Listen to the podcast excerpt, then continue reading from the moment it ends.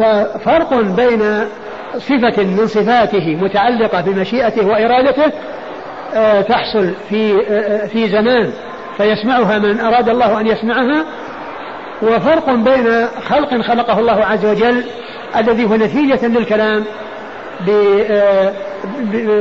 حيث يقول الله للشيء كن وهو كلام يظهر منه ويبدو منه فيكون المخلوق الذي شاءه الله عز وجل والذي أراد أن يكون بكن كما قال الله عز وجل إنما أمرنا شيء إذا عرفنا أن نقول له كن فيكون. فالقول بأنه حادث الآحاد هو هذا معناه. كلم موسى في زمانه فسمع كلام الله من الله. لا يقال إن كلام الله الكلام الذي سمعه موسى لم يسمعه في زمانه وإنما هو كلام أزلي وأن كلام الله عز وجل في الأزل وكلام الله عز وجل ليس المحصور. لا بداية له ولا نهاية له. ولا تلازم بين الحدوث والخلق. يعني يقول يلزم أنا قلت أنا قلت أن الحدوث يعني هنا هناك يعني آه، شيء تابع للمشيئة والإرادة من الصفات وشيء مخلوق خلقه الله عز وجل منفصلا عنه. ليس صفة من صفاته وإنما هو خلق من خلقه. وأما هذا كلام بدا منه وظهر منه وسمع منه. قال حدثنا إسماعيل بن عمر قال أخبرنا إبراهيم بن موسى قال أخبرنا ابن أبي زائدة. عن مجالد عن عامر يعني الشعبي عن عامر بن شهر رضي الله عنه قال كنت عند النجاشي فقرأ ابن له آية من الإنجيل فضحكت فقال أتضحك من كلام الله؟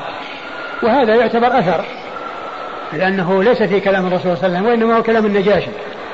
والمقصود منه أن الكلام يعني إذا أضيف إلى الله عز وجل فالمقصود به آه، آه، كلامه الذي تكلم به ومنه التوراة والإنجيل والزبور كل هذه من جملة كلام الله. فالكتب التي أنزلها الله على رسوله هي من جملة كلامه.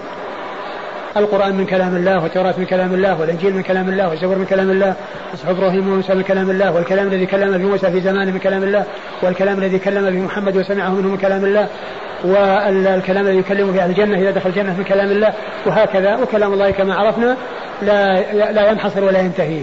ومحد الشاهد من هذا أنه قال تضحك من كلام الله أي كلام النجا قول النجاشي.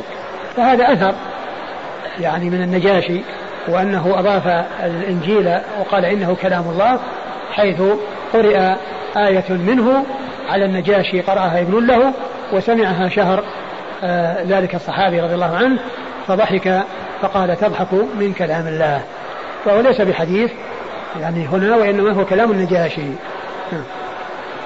قال حدثنا إسماعيل بن عمر إسماعيل بن عمر هو؟ مقبول أخرجه أبو داود. مقبول أخرجه أبو داود.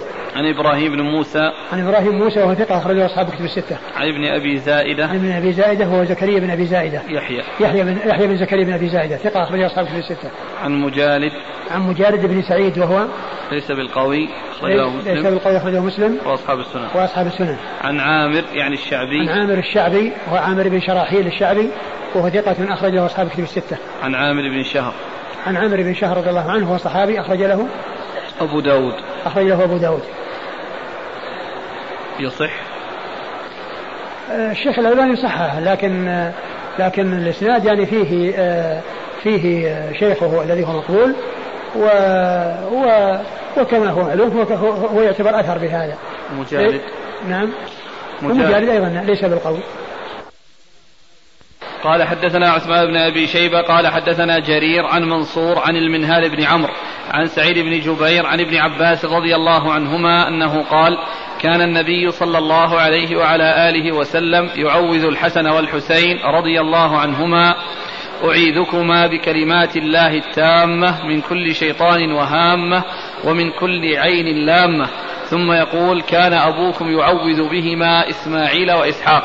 قال أبو داود هذا دليل على أن القرآن ليس بمخلوق. ثم ورد أبو داود حديث ابن عباس رضي الله تعالى عنهما أن النبي صلى الله عليه وسلم كان يعوذ الحسن والحسين فيقول أعيذكما بكلمات الله التامة من شر شيطان وهامة ومن كل عين لامة. ويقول إن إبراهيم عليه الصلاة والسلام كان يعوذ بهما ابنيه إسماعيل وإسحاق. ثم قال أبو داود هذا يدل على أن كلام الله غير على أن القرآن ليس بمخلوق ومحل الشاهد من هذا أن أنه قال يعني أعيذكما بكلمات الله التامة.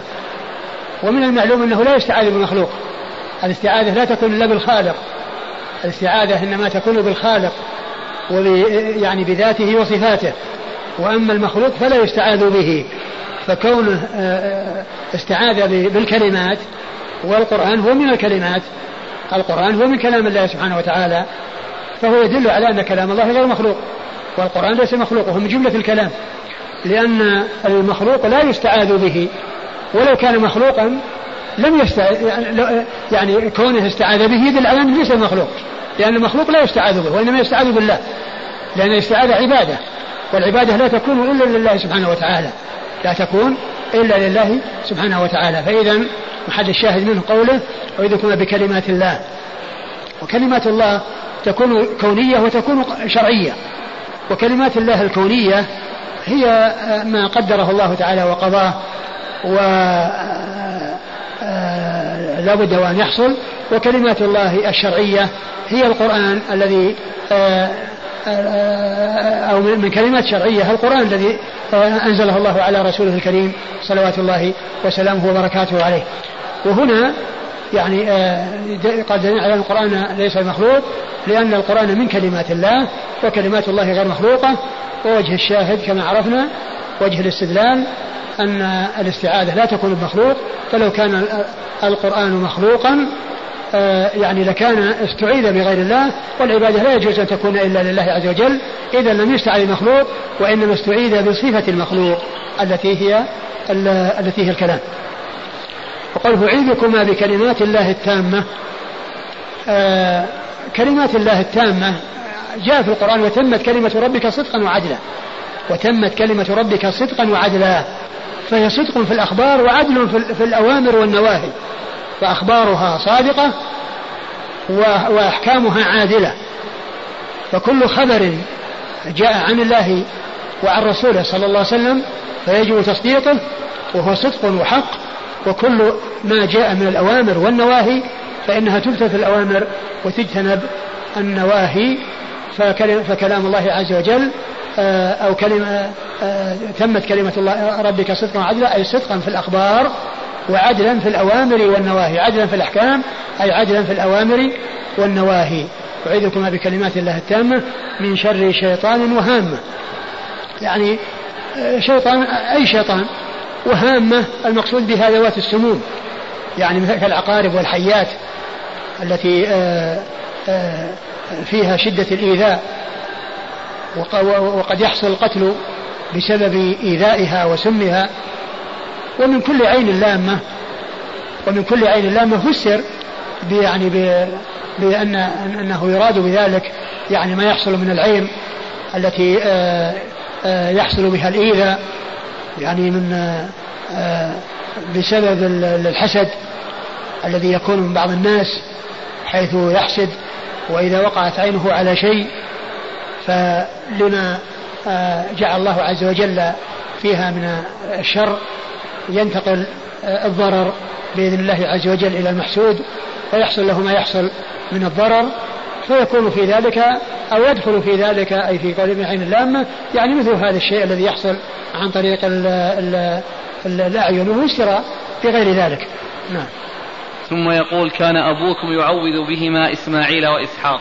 ثم يقول كان أبوكم وإبراهيم عليه الصلاة والسلام هو يعني آه، هو أبو العرب لأن إسماعيل يعني لأن العرب من ذرية إسماعيل. يعني كان أبوكم يعني هو يخاطب العرب يعني يعوذ بهما إبراهيم وإسحاق. إبراهيم يعوذ بهما إسماعيل وإسحاق. إسماعيل الذي هو منه العرب وإسحاق الذي هو ابنه يعقوب والذي منه والذي منه آه، اليهود والنصارى الذين هم أبناء أبناء بني إسرائيل الذين هم بنو إسرائيل وإسرائيل هو هو يعقوب. يعقوب من إسحاق هو هو إسرائيل. نعم. بنو إسرائيل يعني بنو يعقوب من نسل يعقوب الذي هو إسرائيل نعم قال حدثنا عثمان بن أبي شيبة عثمان بن أبي شيبة ثقة أخرجه أصحاب كتب الستة إلا الترمذي وإلا النسائي فقد اخرج له في عمل يوم الليلة. عن جرير عن جرير ابن عبد الحميد الضبي الكوفي وهو ثقة اخرج له أصحاب كتب الستة. عن منصور عن منصور بن معتمر الكوفي ثقة أخرجه أصحاب الكتب الستة. عن المنهال بن عمرو عن المنهال بن عمرو وهو صدوق أخرجه البخاري وأصحاب السنن. عن سعيد بن جبير عن سعيد بن جبير وهو ثقة فقيه أخرجه أصحاب الكتب الستة. عن ابن عباس عن ابن عباس عبد الله بن عباس بن عبد المطلب ابن عم النبي صلى الله عليه وسلم وأحد العباد له الأربعة من الصحابة وأحد السبعة المعروفين بكثرة الحديث عن النبي صلى الله عليه وسلم. هل فيه دليل على أن تعويذ الأولاد بمثل هذا سنة؟ نعم. سنة.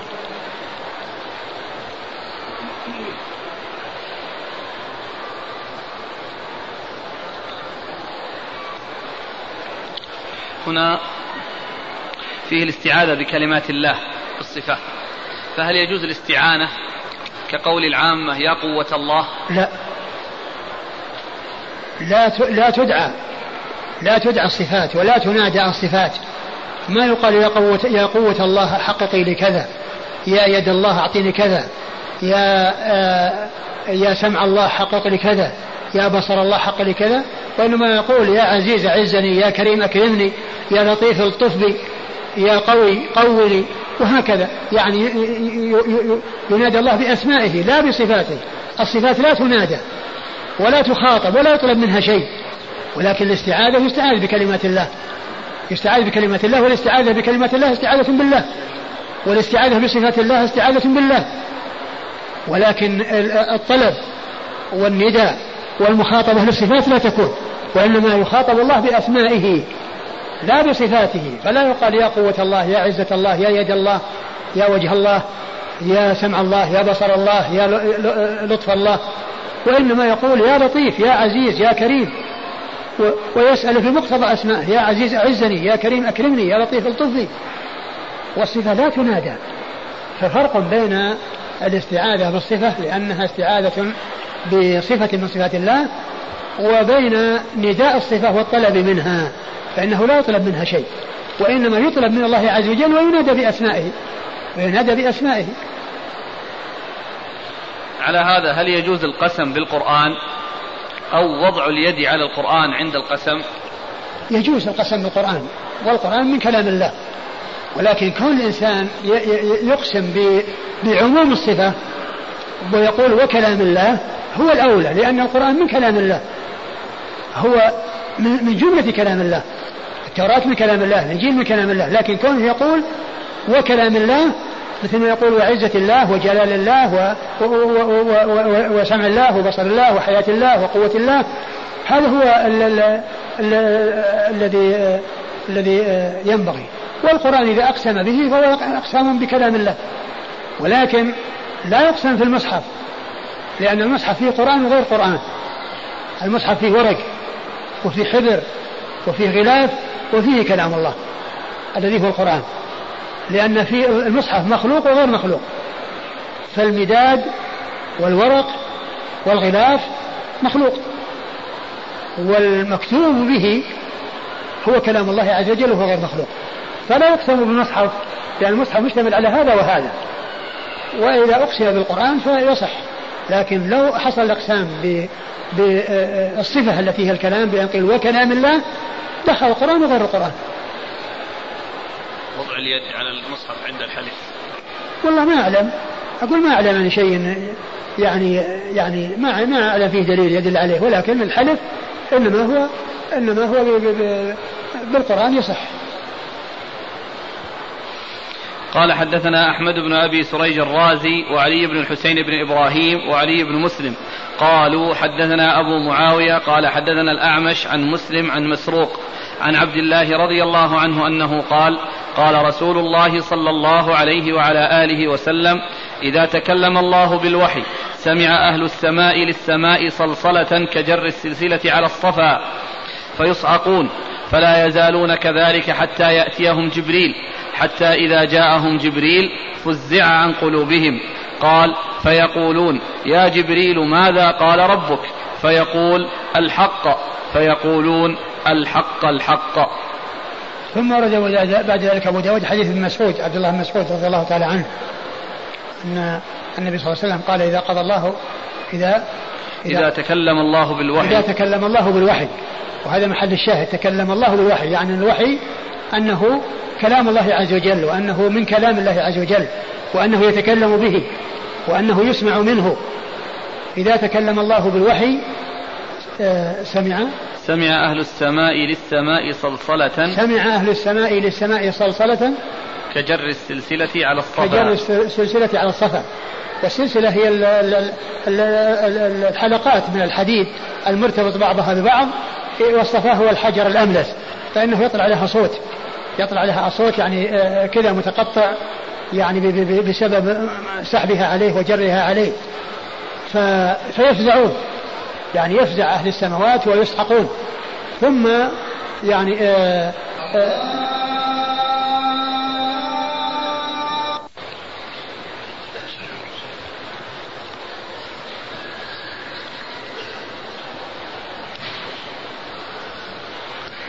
فالسلسلة التي على صفوان أو جر السلسلة التي على صفوان أو الصلصلة التي تكون من جر السلسلة أي الصوت المتتابع الذي يكون من جر السلسلة وهي ذات الحلقات على الحجر الأملس فإنه يطلع يعني صوت لهذا الجر الذي يكون على ذلك الحجر الأملس. فيصيب أهل السماوات غشي وصعق. ثم يعني يأتي جبريل بالوحي من الله عز وجل ويفيقون ويقول ماذا قال ربكم؟ فيقول الحق فيقولون الحق الحق. فيقول الحق الحق يعني أنه قال الحق الحق. ومحل الشاهد من إيراد الحديث قوله إذا تكلم الله بالوحي. فإن هذا فيه إضافة كلام الله الكلام إلى الله عز وجل وأنه يتكلم بالوحي وأنه يعني آه، آه، يسمعه منه جبريل وينزل به على رسول الله صلى الله عليه وسلم. أو ينزل به على من أرسله الله عليه سواء كان رسول نبينا محمد صلى الله عليه وسلم أو من قبله من الرسل لأن جبريل هو الموكل بالوحي. نعم. قال حدثنا أحمد بن أبي سريج. أحمد بن أبي سريج هو ثقة أخرج البخاري وأبو داود والنسائي. ثقة أخرج البخاري وأبو داود والنسائي. وعلي بن الحسين بن إبراهيم. وعلي بن الحسين بن إبراهيم وهو صدوق أخرجه أبو داود بن ماجه. صدوق أخرجه أبو داود بن ماجه. وعلي بن مسلم. وعلي بن مسلم وهو ثقة أخرج البخاري وأبو داود النسائي ثقة أخرجه البخاري وأبو داود النسائي عن أبي معاوية. عن أبي معاوية محمد بن خازم الضرير الكوفي وهو ثقة أخرج له أصحاب كتب الستة. عن الأعمش. عن الأعمش وهو سليمان بن مهران الكاهلي الكوفي وهو ثقة أخرج له أصحاب كتب الستة. عن مسلم. عن مسلم آه، بن صبيح وهو أبو الضحى الذي كنيته أبو الضحى مشهور بكنيته وكثيرا ما يأتي بالأسانيد. حدثنا أبو الضحى وهو مسلم هنا ذكر باسمه ويذكر كثيرا بكنيته ومعرفة كن المحدثين من أنواع علوم الحديث وفائدتها كما يقولون حتى لا يظن الشخص أن الشخص الواحد يعني شخصين. إذا ذكر مرة في اسمه ومرة في كنيته يظن أن أبو الضحى غير مسلم صبيح. فالذي لا يعرف أن أبو الضحى هو مسلم صبيح لو جاءه أبو الضحى في إسناد وجاءه بإسناد آخر مسلم صبيح يظن هذا شخص وهذا شخص. فإذا فائدة معرفة كنى المحدثين أن لا يظن الشخص الواحد شخصين. إذا ذكر باسمه مرة أو إذا ذكر بكنيته مرة أخرى يظن أن هذا غير هذا مع أنه شخص واحد. نعم. عن مسروق عن مسروق بن الأجدع وهو ثقة. أخرجه أصحاب كتب الستة. عن, عبد الله وابن مسعود الثقفي الهذلي آه الهذلي صاحب رسول الله. عبد الله بن مسعود الهذلي رضي الله عنه صاحب رسول الله صلى الله عليه وسلم وهو من فقهاء الصحابة وحديثه أخرجه أصحاب الكتب الستة. والله تعالى أعلم وصلى الله وسلم وبارك على عبده ورسوله نبينا محمد وعلى آله وأصحابه أجمعين. جزاكم الله خيرا وبارك الله فيكم ونفعنا الله بما قلتم. هذا يقول بأن في كتاب فتاوى فتاوى وتنبيهات ونصائح للشيخ ابن باز رحمه الله ذكر فتوى بأن وضع اليد على المصحف عند الحلف أمر محدث ولا يجوز مين ذكر فيه؟ في كتاب فتاوى وتنبيهات ونصائح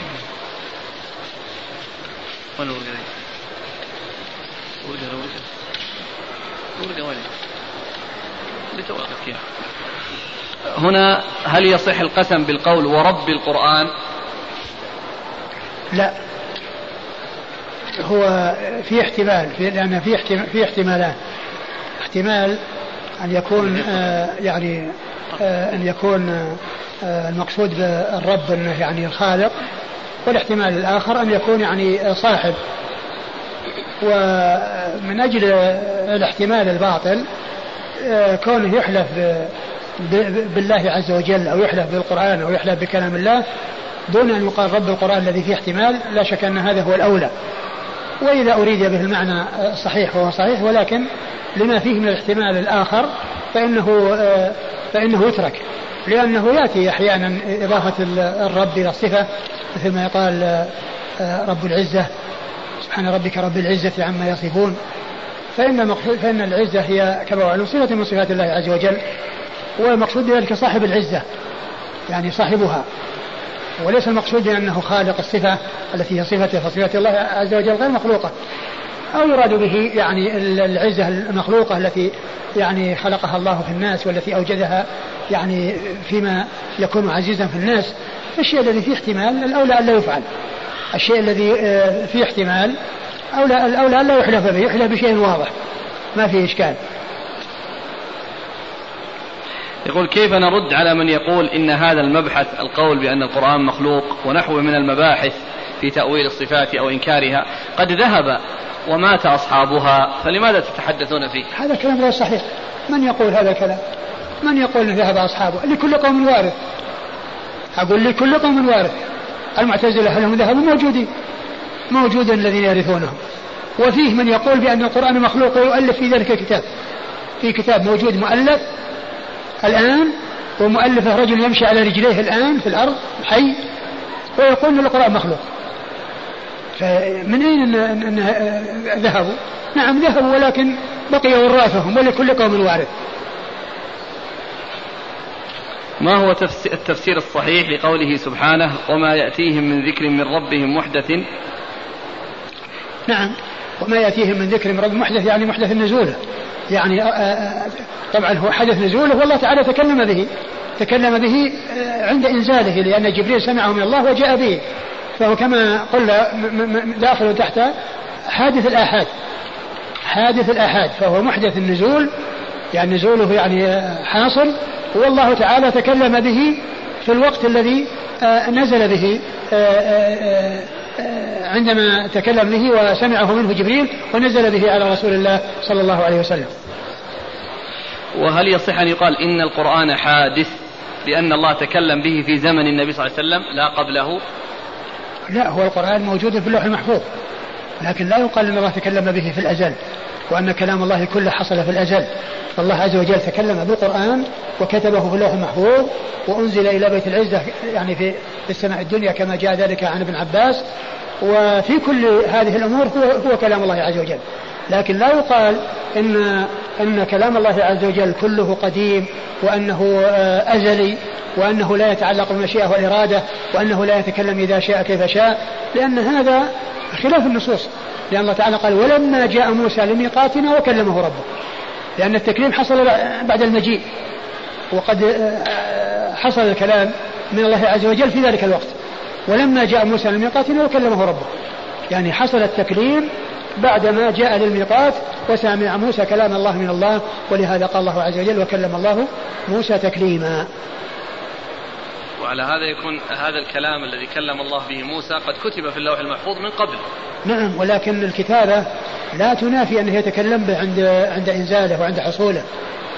أقول لا تنافي. جاء في ترجمة داود الظاهري في السير وطبقات الشافعية وغيرها أن السلف نقموا عليه أن قال إن القرآن محدث. ولما حكى الذهبي في السير مذاهب الناس في القرآن قال وقال داود وطائفة إن القرآن محدث ولكنه غير مخلوق. فما مرادهم بأن القرآن محدث؟ من الذي قال محدث غير مخلوق؟ هو يقول داود الظاهري. ويقول محدث غير مخلوق؟ داود الظاهري؟ قال أن السلف نقموا عليه أن قال إن القرآن محدث. قال ولما حكى الذهبي في السير مذاهب الناس في القرآن قال وقال داود وطائفة إن القرآن محدث ولكنه غير مخلوق. أنا ما أدري كان هذا يضاف إلى إلى لأن الذي إذا قال أنه محدث بمعنى أنه آه، تكلم الله عز وجل به بحيث شاء أن يتكلم به فهذا آه، كلام صحيح. لكن إذا أريد به محدث بمعنى مخلوق لأن الظاهرية يعني هم في الصفات يعني هم هم ظاهرية في الفروع ويعني مؤولة في الصفات. ومؤولة في الصفات. ولو عكسوا القضية لكان خيرا لكان خيرا لهم. ولو كانوا يعني آه، أخذوا بالظاهر وأجروا الآيات الصفات على ظاهرها على ما يليق بالله عز وجل ويعني آه، صاروا في الفروع يعني آه، أخذوا بالقياس وألحقوا النظير بالنظير لكان هذا أولى. فهذا الكلام الذي قال قاله عن الذهبي عن هؤلاء إنه قال محدث غير مخلوق ما أدري يعني إيش المقصود هل هو كلام الذهبي نفسه الذي قال هذا أو إنه هو كلام الظاهرية؟ إذا كان كلام الذهبي بمعنى أنه يعني أنه تكلم به وأنه من الأحاد الحادثة ولا يوصف بأنه مخلوق هذا كلام صحيح. جزاكم الله خيرا وبارك الله فيكم ونفعنا الله ما قلت. بسم الله الرحمن الرحيم. الحمد لله رب العالمين. والصلاة والسلام على عبد الله ورسوله نبينا محمد وعلى آله وصحبه أجمعين. أما بعد قال الإمام أبو داود السجستاني يرحمه الله تعالى باب في الشفاعة. قال حدثنا سليمان بن حرب قال حدثنا بسطام بن حريث عن أشعث الحداني عن أنس بن مالك رضي الله عنه عن النبي صلى الله عليه وعلى آله وسلم أنه قال شفاعتي لأهل الكبائر من أمتي. بسم الله الرحمن الرحيم. الحمد لله رب العالمين. وصلى الله وسلم وبارك على عبده ورسوله نبينا محمد وعلى آله وأصحابه أجمعين. أما بعد فيقول الإمام أبو داود السيستاني رحمه الله تعالى باب في الشفاعة. الشفاعة آه، في الأصل هي آه، طلب آه، شخص من آخر ليشفع له في تحصيل خير. وذلك أن أن الشافع يضم صوته إلى صاحب الحق وطالب الحق فيكون بدل ما كان الطالب مفردا انضم إليه صوت الشافع فصار شفعا بذلك فصار شفعا بذلك. بحيث يكون طلبه عزز وأيد وسوعد في الوصول إلى ما يريد وهي طلب الخير للغير طلب الخير للغير الشفاعة. يعني كونه يطلب أو آه، إنسان يطلب من غيره أن يطلب خيرا له فكونه يطلب يعني أو يساعده فيكون طلب الخير للغير طلب الخير للغير. والشفاعة شفاعتان شفاعة محمودة وشفاعة مذمومة. والشفاعة المحمودة هي التي تكون في الدنيا في طلب الإنسان أو طلب من الإنسان فيما يقدر عليه ليحصل خيرا دنيويا أو أخرويا. وفي الآخرة بالطلب من الرسول صلى الله عليه وسلم بأن يشفع في آه، في الموقف أو في الخروج من النار أو في دخول الجنة أو في غير ذلك من أنواع الشفاعة. أو في غير ذلك من أنواع الشفاعة. وهي تحصل من النبي صلى الله عليه وسلم وغيره في الدار الآخرة أي بالنسبة للخروج من النار. وأما بالنسبة لانتهاء الموقف فهذه تختص به صلى الله عليه وسلم وهي المقام المحمود الذي يحمده عليه الأولون والآخرون. وأما الشفاعة المحرمة فهي مثل آه، مثل شفاعة الآلهة. أو ما يطلبه الكفار من آلهتهم وما يطلب من آه، من غير الله عز وجل مما لا يجوز الطلب منه كالطلب من الأموات بأن يشفعوا فإن هذا مما لا يسوغ ولا يجوز. و والشفاعة أنواع عديدة. والشفاعة هي أنواع عديدة. منها الشفاعة العظمى وهي من خصائص نبينا محمد عليه الصلاة والسلام فإنه اختص بها وذلك أن الناس إذا كانوا في الموقف ماج بعضهم في بعض فيبحثون عن من يشفع لهم إلى ربهم ليأتي لفصل القضاء بينهم فيموج بعضهم في بعض ويطلبون من آدم عليه الصلاة والسلام ثم من آه، إبراهيم ثم من آه، موسى ثم من عيسى ثم من نبينا محمد آه، آه، يطلبون من آدم ثم نوح ثم إبراهيم ثم موسى ثم عيسى ثم يطلبون من نبينا محمد صلى الله عليه وسلم. والشفعاء الذين هم قبل نبينا محمد عليه الصلاة والسلام فإنهم يعتذرون وكل واحد يحيل إلى من بعده. فإذا وصلت إلى عيسى اعتذر وأحال إلى نبينا محمد عليه الصلاة والسلام فيتقدم ويشفع ويشفعه الله عز وجل. ويأتي لفصل القضاء بين عباده ويحاسب الناس ويذهبون إلى منازلهم من الجنة أو النار. وهذه هي الشفاعة العظمى وهي المقام المحمود. وقد اختص بها نبينا محمد صلى الله عليه وسلم وهي عامة للبشر كلهم من أولهم إلى آخرهم من أول الخليقة إلى نهاية الخليقة من البشر. كل هؤلاء يستفيدون من شفاعة النبي صلى الله عليه وسلم. في إنهاء الموقف الذي هم فيه والشدة التي هم فيها. ولهذا قال النبي عليه الصلاة والسلام في الحديث الدال عليها أنا سيد الناس يوم القيامة وثم بين السبب في ذلك وإنما كان سيدهم في, الدنيا في يوم القيامة مع أنه سيدهم في الدنيا والآخرة لأنه في ذلك اليوم يظهر سؤدده على الجميع حيث يشفع للجميع ويستفيد الجميع من من شفاعته من لدن آدم إلى الذين قامت عليهم الساعة ولهذا يقال لها المقام المحمود لأنه مقام يحمده عليه الأولون والآخرون صلوات الله وسلامه وبركاته عليه. وأيضا من شفاعاته صلى الله عليه وسلم التي اختص بها شفاعته في عمه أبي طالب بأن يخفف عنه العذاب بأن يخفف عنه العذاب فصار أخف الناس عذابا مع أخف أهل النار عذابا وهو يرى أنه ليس هناك أحد أشد منه. وذلك أنه خفف عن العذاب فكان في ضحضاح من نار. يعني عليه نعلان من, من نار يغلي منهما دماغه من شدة الحرارة التي في الرجلين تصل إلى الدماغ فيغلي من شدة الحرارة والعياذ بالله. فهو بذلك أخف أهل النار عذابا ويرى أنه ليس هناك أحد أشد منه والعياذ بالله. فالنبي صلى الله عليه وسلم شفع له فخفف عنه العذاب فصار في ضحضاح من نار ولولا شفاعة النبي صلى الله عليه وسلم لكان في الدرك الأسفل من النار مع الكفار الذين هم أمثاله. و وهي شفاعة خاصة به صلى الله عليه وسلم. ثم وقد قال الله عز وجل فما تنفعهم شفاعة الشافعين أي الكفار. فما تنفعهم شفاعة الشافعين. وهذا الحديث يدل على حصول النفع آه، لأبي طالب. ولكن هذه شفاعة خاصة تستثنى من هذا النفي بقوله فما تنفعهم شفاعة الشافعين. فأبو طالب استفاد من شفاعة النبي صلى الله عليه وسلم وهو كافر بأن خفف عنه العذاب. ثم إن أن, أن, أن, أن الشفاعة يعني هذا الاستثناء من هذه الآية إنما هو في التخفيف. وأما الإخراج فإنها باقية على عمومها. فلا يخرج أحد من النار ويدخل الجنة من الكفار بل الكفار باقون في النار أبد الآباد ولكنها نفعت في التخفيف فإذا يكون الجمع بين ما ورد في القرآن وقوله فما تنفعهم شفاعة الشافعين وبين ما جاء من شفاعته لأبي طالب أن هذه شفاعة خاصة أن هذه شفاعة خاصة أخرجت من ذلك العام ولكنه بالنسبة للتخفيف وليس للإخراج.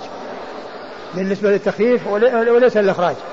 و وال والأوضح أن أن أن أن شفاعة النبي صلى الله عليه وسلم لأبي طالب تكون مخصصة لقول الله عز وجل والذين كفروا لهم نار جهنم لا يقضى عليهم فيموتوا ولا يخفف عنهم من عذابها.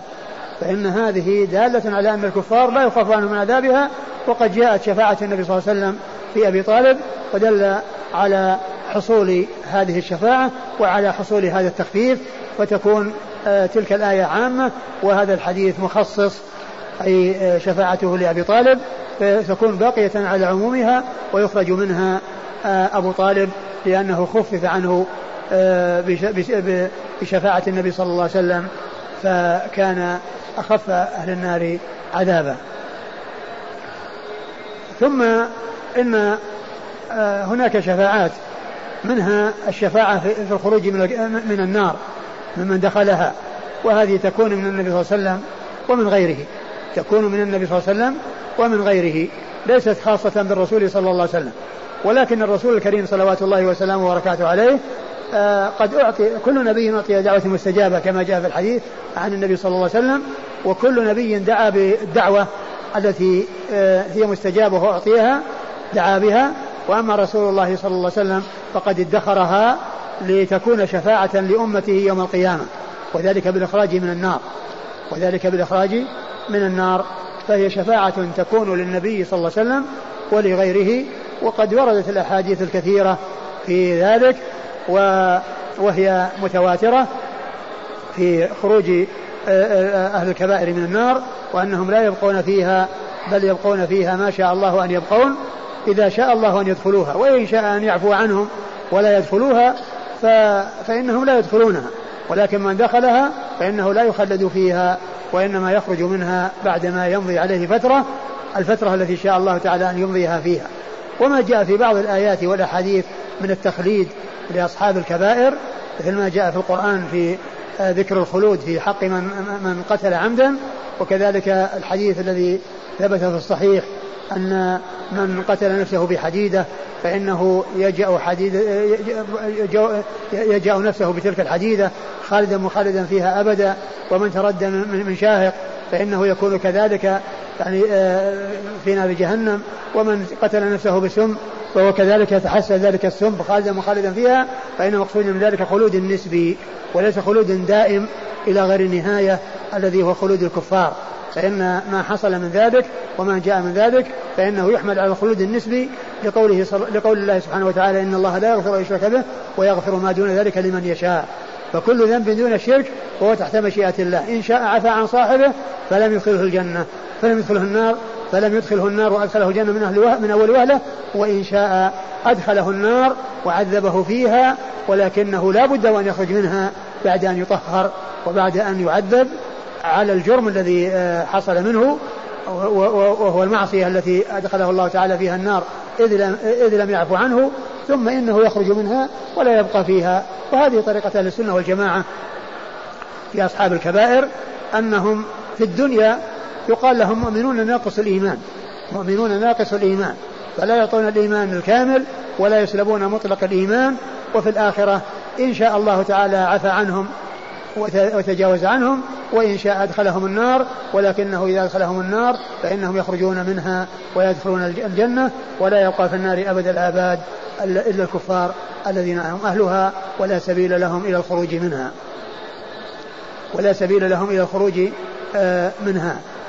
وهذه الكبائر هي التي جاءت فيها الأحاديث الكثيرة وردت فيها الأحاديث بكثرة أي آه، الشفاعة لأهل الكبائر. بأن يخرجوا من النار بعد أن يدخلوها. وهناك شفاعة وهي الشفاعة لمن استحق النار أن لا يدخلها.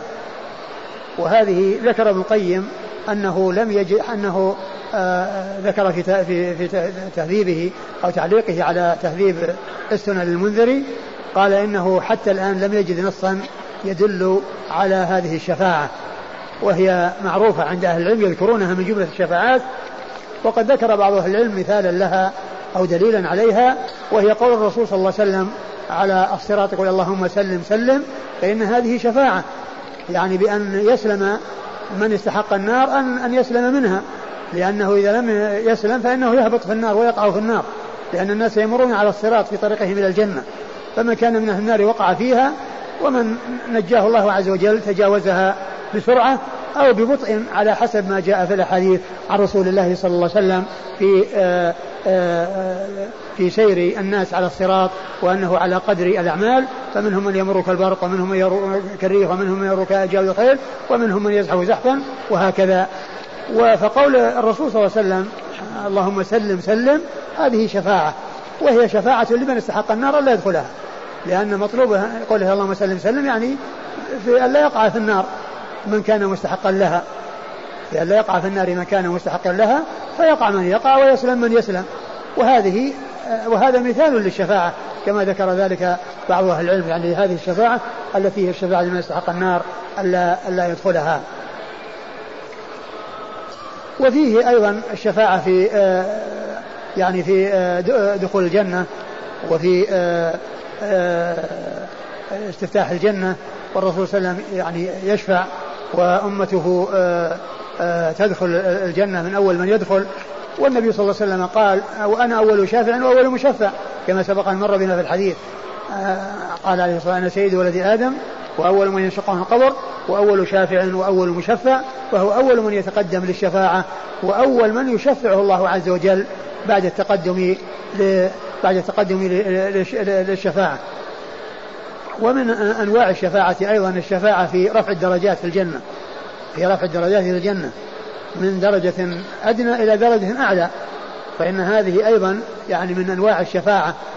و و والله عز وجل آه، قد ذكر في القرآن أن الذين آمنوا واتبعتهم ذريتهم بإيمان فإن الله تعالى يلحق الذرية بهم ويرفعهم إلى إلى درجاتهم وإلى منازلهم بحيث يعني يكونون يعني مع مع من هو أعلى درجة.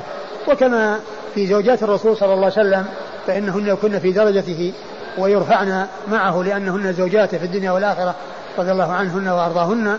فالحاصل أن من كان في درجة في الجنة أعلى فإن أنزل فإن الله تعالى يرفعه إلى درجة أعلى.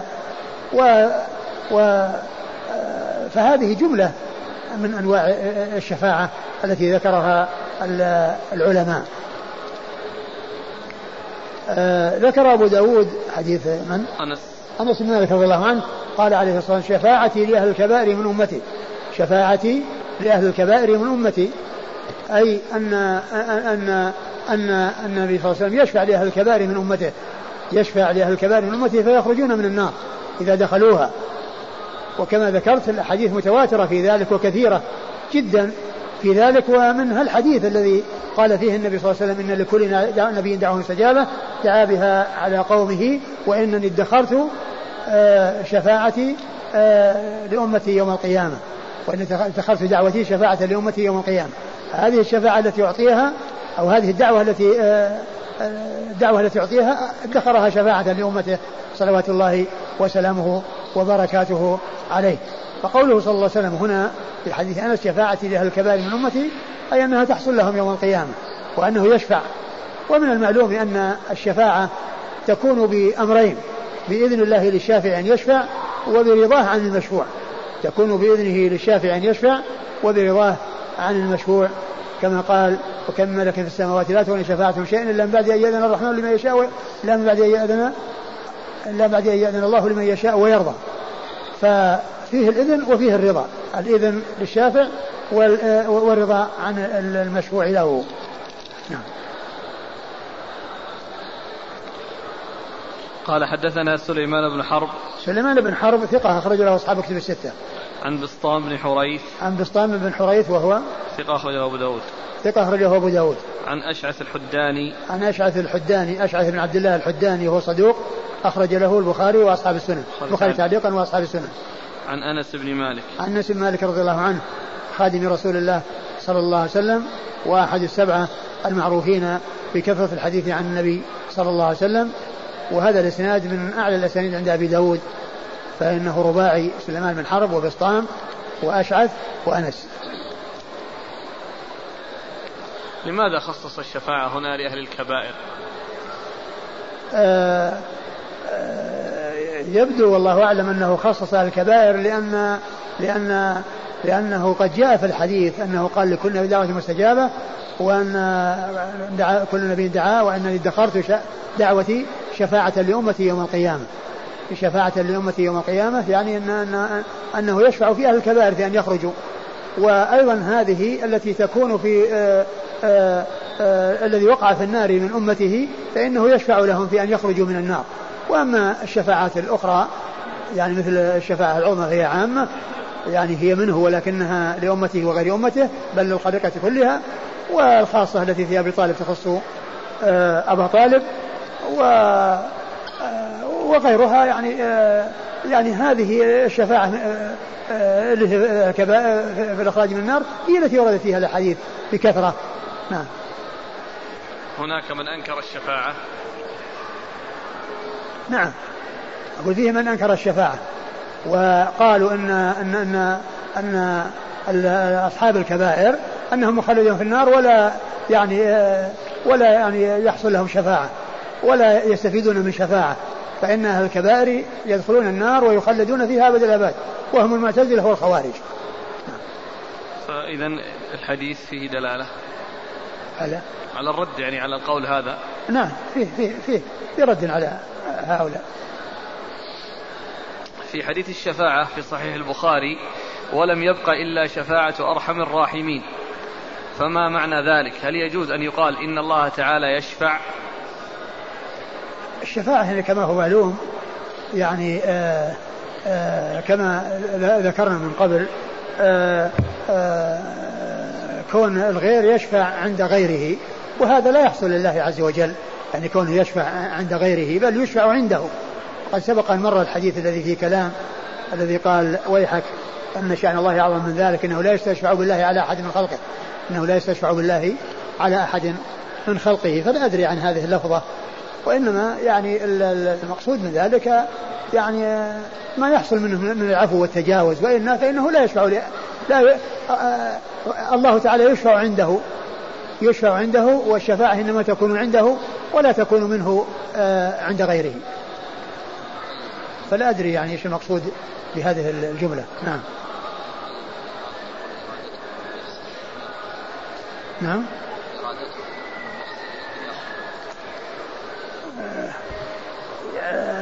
إذا فسرت بهذا المعنى كونه يريد من نفسه أن يفعل كذا لكن بس التعبير بالشفاعة والشفاعة يعني معناها اللغوي معروف وأنه يعني فيه ضم شيء إلى شيء ما ما ما يستقيم بالنسبة لله سبحانه وتعالى. قال حدثنا مسدد قال حدثنا يحيى عن الحسن بن ذكوان قال حدثنا أبو رجاء قال حدثني عمران بن حصين رضي الله عنهما عن النبي صلى الله عليه وعلى آله وسلم أنه قال يخرج قوم من النار بشفاعة محمد صلى الله عليه وآله وسلم فيدخلون الجنة ويسمون الجهن الجهنميين. الجهنميين الجهنميين. ثم ورد أبو داود حديث عمران بن حصين رضي الله تعالى عنهما أنه قال يخرج قوم بشفاعة النبي صلى الله عليه وسلم من النار فيدخلون الجنة يقال لهم الجهنميين يعني أنهم كانوا في جهنم وأنهم جاءوا من جهنم. وهذا يعني ليس يعني ذما لهم وإنما هذا يعني آآ آآ آآ نسبوا لما حصل لهم وأنهم يعني كانوا في جهنم وخرجوا منها.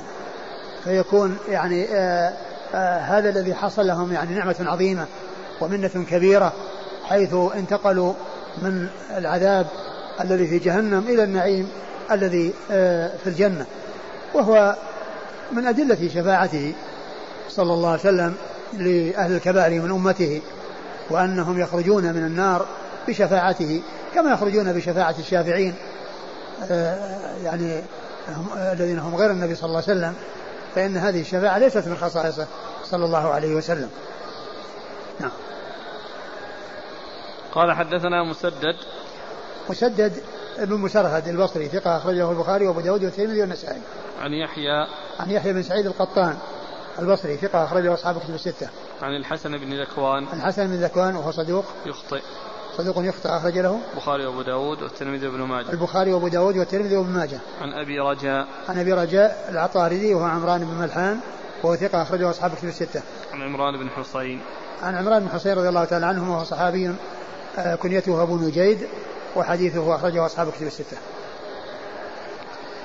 قال حدثنا عثمان بن أبي شيبة قال حدثنا جرير عن الأعمش عن أبي سفيان عن جابر رضي الله عنه أنه قال سمعت النبي صلى الله عليه وعلى آله وسلم يقول إن أهل الجنة يأكلون فيها ويشربون.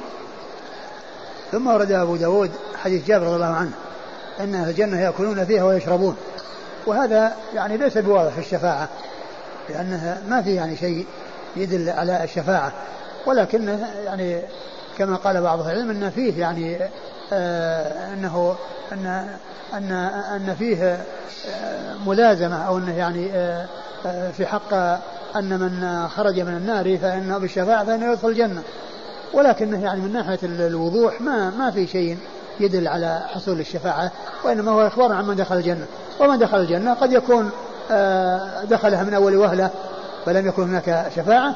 وقد يكون دخلها بعد أن عذب في النار وقد حصل له شفاعة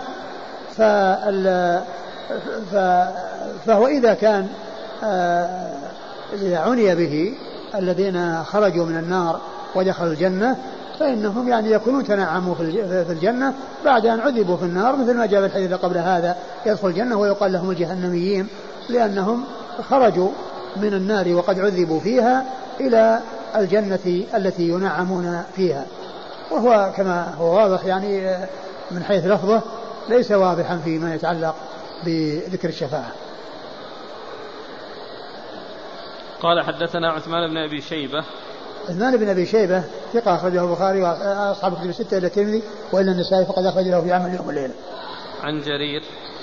عن جرير بن عبد الحميد الضبي الكوفي وهو ثقة أخرجه أصحاب الكتب الستة. عن الأعمش. عن الاعمش وهو سليمان بن مهران الكاهلي الكوفي وهو ثقة أخرجه أصحاب الكتب الستة. عن أبي سفيان. عن أبي سفيان وهو طلحة بن نافع طلحة بن نافع وهو ثقة صدوق. وهو صدوق أخرجه أصحاب الكتب الستة. عن جابر. عن جابر بن عبد الله الأنصاري رضي الله تعالى عنهما وهو صحابي ابن صحابي وهو, وهو أحد السبعة المعروفين بكثرة الحديث عن النبي صلى الله عليه وسلم. أحسن الله إليك. يقول السائل ذكرتم بأن للشفاعة شرطين إذن الله للشافع ورضاه عن المشفوع. فهل شفاعة النبي صلى الله عليه وآله وسلم لعمه أبي طالب معنى ذلك أن الله رضي عن أبي طالب؟ لا ما في رضا لأنه معذب ولكن الذي حصل هو التخفيف. ولكن هذه العبارة التي يقولونها أو الآيات التي جاءت والعبارات التي يعبر بها العلماء إنما هو في الغالب. وإلا أبا طالب ليس ليس مرضيا عنه بل هو كافر وليس آه، بعد الكفر ذنب.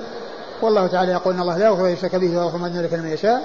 فإذا حصلت له الشفاعة بالتخفيف مع بقائه في النار على حال هو أخف أهل النار ويرى أنه ليس هناك أحد أشد منه والعياذ بالله.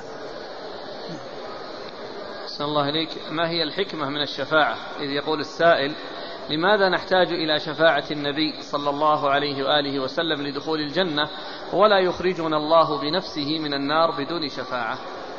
الله سبحانه وتعالى قدر ويعني آه، شرع أن أن أن أنه يحصل يعني إكرام للشافع وللمشفوع وأن يكون هذه الغاية وصلها بهذا السبب.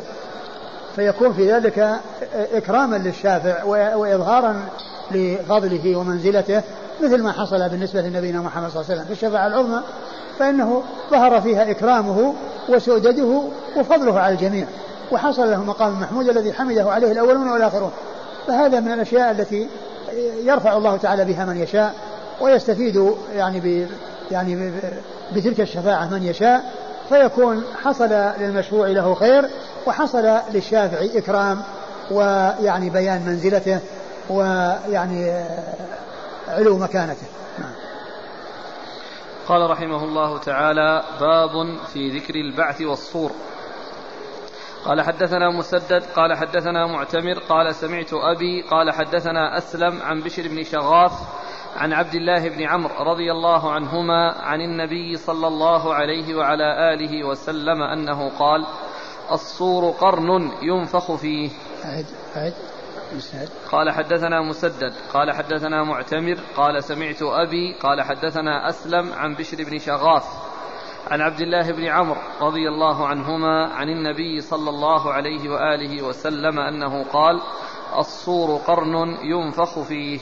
ثم ورد أبو داود هذه الترجمة ويقول باب بالبعث والصور. نعم. باب بالبعث والصور. البعث هو خروج الناس من القبور ويعني انتقالهم من حال البرزخ إلى الحياة الباقية. لأن الدور ثلاث دار الدنيا ودار الآخرة والبرزخ الذي بين الموت وبين البعث. فهو من ناحية الجزاء هو من من تابع للآخرة لأن ما بعد الموت كله جزاء والعمل ينتهي بالموت. و وأما من ناحية الحياة فإنها تختلف عن الحياة الآخرة وتختلف عن الحياة الدنيا. حياة حقيقية لا يعلمها إلا الله عز وجل.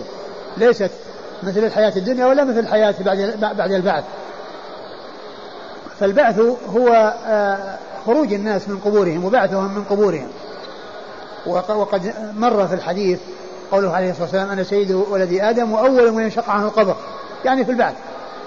يعني أول من ينشق عنه القبر يعني في البعث والخروج من القبور فأول قبر ينشق عن صاحبه قبر نبينا محمد صلى الله عليه وسلم وأول الناس خروجا من قبره نبينا محمد صلوات الله وسلامه وبركاته عليه. فإذا هذا هو البعث. والبعث يكون بالنفخ في الصور. والصور قرن كما جاء في هذا الحديث يعني ينفخ فيه. ينفخ فيه فيعني يحصل النفخ النفخة الأولى فيحصل الموت ثم تحصل النفخة الثانية ويحصل البعث. ونفخ في الصور فصعق من في السماوات ومن في الأرض ما شاء الله ثم نفخ في أخرى فإذا هم قيام ينظرون.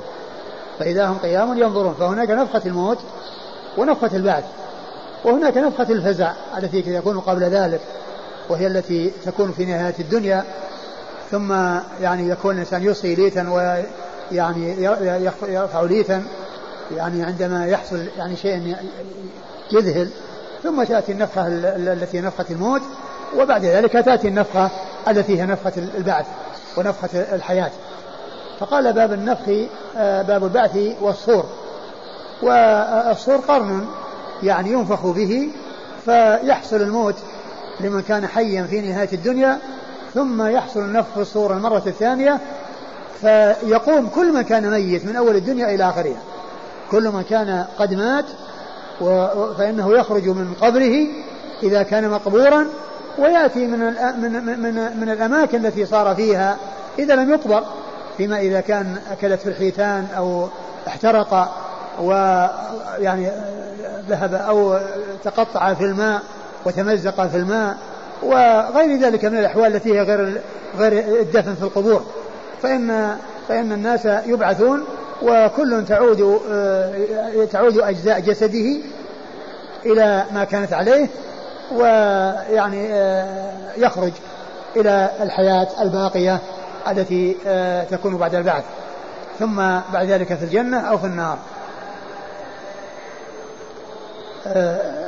حديث من هو؟ صحابي؟ عبد الله بن عمرو. حديث عبد الله بن عمرو رضي الله تعالى عنهما قال الصور قرن ينفخ فيه يعني فتكون الصعقة التي تكون آه، في آخر الدنيا في حق من كان موجودا فيموت ثم تحصل النفخة الثانية فيحصل البعث لجميع آه، آه، البشر من أولهم إلى آخرهم نعم.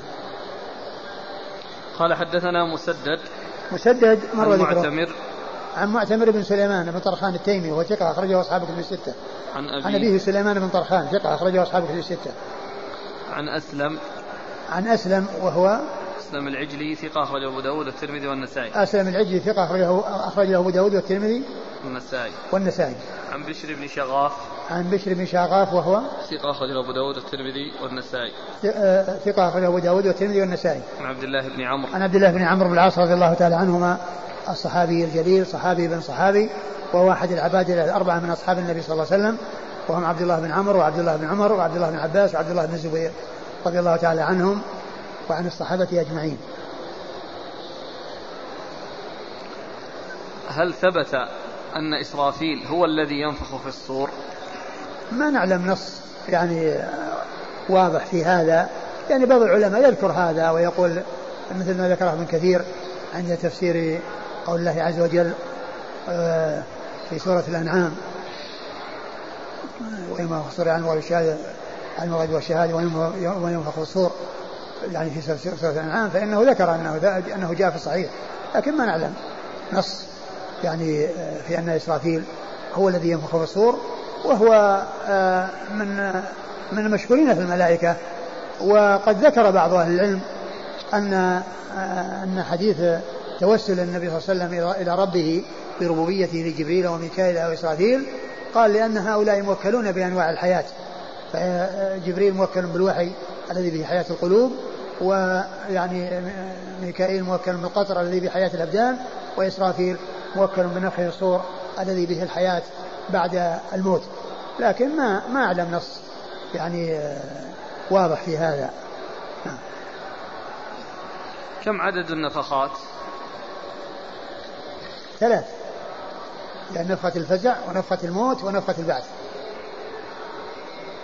وكم بين النفختين؟ ما ما أذكر متى تكون نفخة الموت؟ هل بعد النار التي تحشر الناس إلى أرض المحشر أو قبل ذلك؟ بعد ذلك لأنها لأنها لأنها إذا جاءت النفخة مات كل من كان حيا والنار التي تخرج هي تقبض روح كل مؤمن ومؤمنة. ويبقى أناس لا خير فيهم هم شرار الخلق وعليهم تقوم الساعة. فالساعة إذا قامت تقوم على شرار الخلق. والذين كانوا على قيد الحياة في ذلك الوقت هم من شرار الخلق. ولهذا لا تقوم الساعة حتى لا يقال في الأرض الله الله. يعني معناها أنها يعني آه الأخيار قد ذهبوا. والريح اللينة التي تقضي روح كل من مؤمنة حصلت قبل ذلك. والنفخ حصل به موت من كان حيا. والذين كانوا أحيا في ذلك الوقت الذين هم على ظهر الأرض آه، هم شرار الخلق كما جاء ذلك في الحديث عن رسول الله صلى الله عليه وسلم. هذه نفخة التي تكون بعد حشر الناس. آه ما في نفخة هذيك صعب. المجيء الله عز وجل. إن الناس يصعقون يوم القيامة ما في ذكر النفخ التي مر بنا قريبا آه آه قول فأكون أول من يفيق فأجد موسى آخذا بقائمة العرش. فإن تلك قال فيها بعض أهل العلم أنها نفخة مثل نفخة صعب. يأتي لتجلي الله عز وجل. لفصل القضاء بين الناس فإن الناس يصعقون. ورسول الله صلى الله عليه وسلم أول من يفيق من هذه الصعقة. فيجد موسى آخذا بقائمة العرش يقول فلا أدري أصعق وأفاق قبلي أم جوزي بصعقة يوم الطور؟ لأن حصل له صعقة في الدنيا لتجلي الله عز وجل. فإذا إما أن يكون حصل له ما حصل للناس ولكنه أفاق قبل النبي صلى الله عليه وسلم أو أنه لم يحصل له الذي حصل للناس لأنه لأن هذا الذي حصل لهم حصل له في الدنيا. لأن هذا الذي حصل للناس حصل لهم في الدنيا. لهذا قال النبي صلى الله عليه وسلم فلا أدري أصعق وأفاق قبلي أم جوزي بصعقته يوم أي فلم يصعق. وكفاه أو حصل له ذلك الذي حصل في الدنيا ولم يحصل له في الآخرة. وهذه ما, ما ليس معها نفخ نفخة الفزع متى تكون؟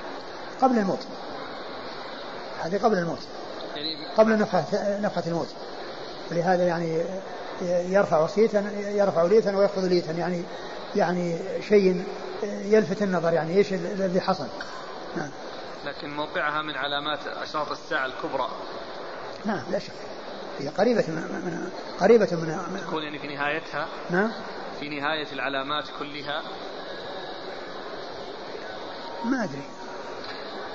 إنه يعني يكون بعد ما تطلع العلامات كلها. أقول ما ندري يعني هل فيه بعدها شيء أو ما بعدها شيء لا ندري. يقول هل صحيح أن الصور فيه ثقوب بعدد أرواح الخلائق؟ هذا شيء من علم الغيب ولا يعلم الغيب إلا الله. إذا جاء فيه نص يمكن أن يتكلم وإلا ما فيه إلا السكوت. ما نعلم شيئا في هذا.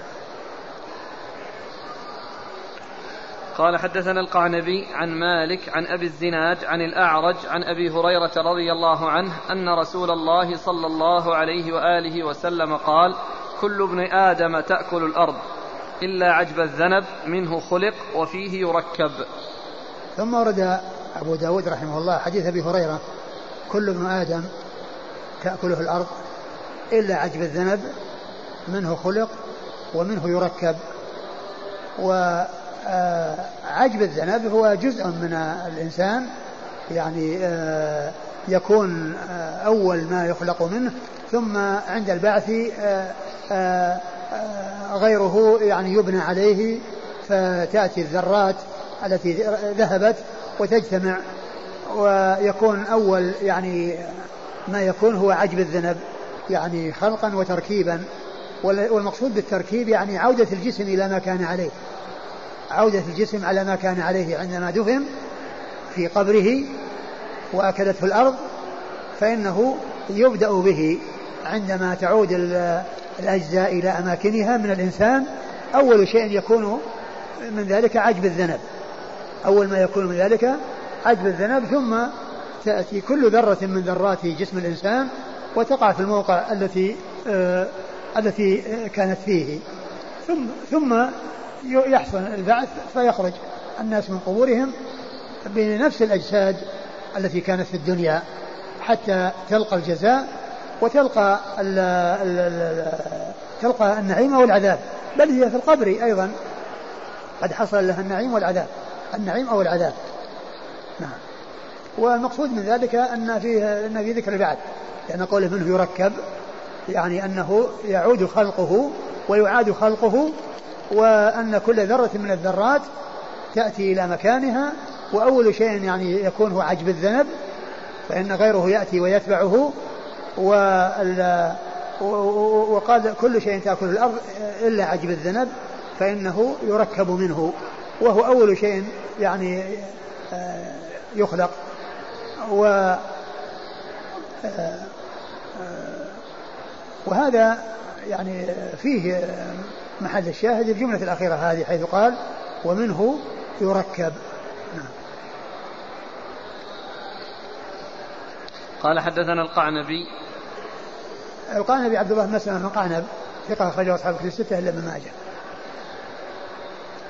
عن مالك مالك بن أنس إمام دار الهجرة المحدث الفقيه أحد أصحاب المذاهب الأربعة المشهورة من مذاهب السنة وحديثه أخرجه أصحاب الكتب الستة. عن أبي الزناد عن أبي الزناد هو عبد الله بن ذكوان المدني ثقة أخرجه أصحاب الكتب الستة.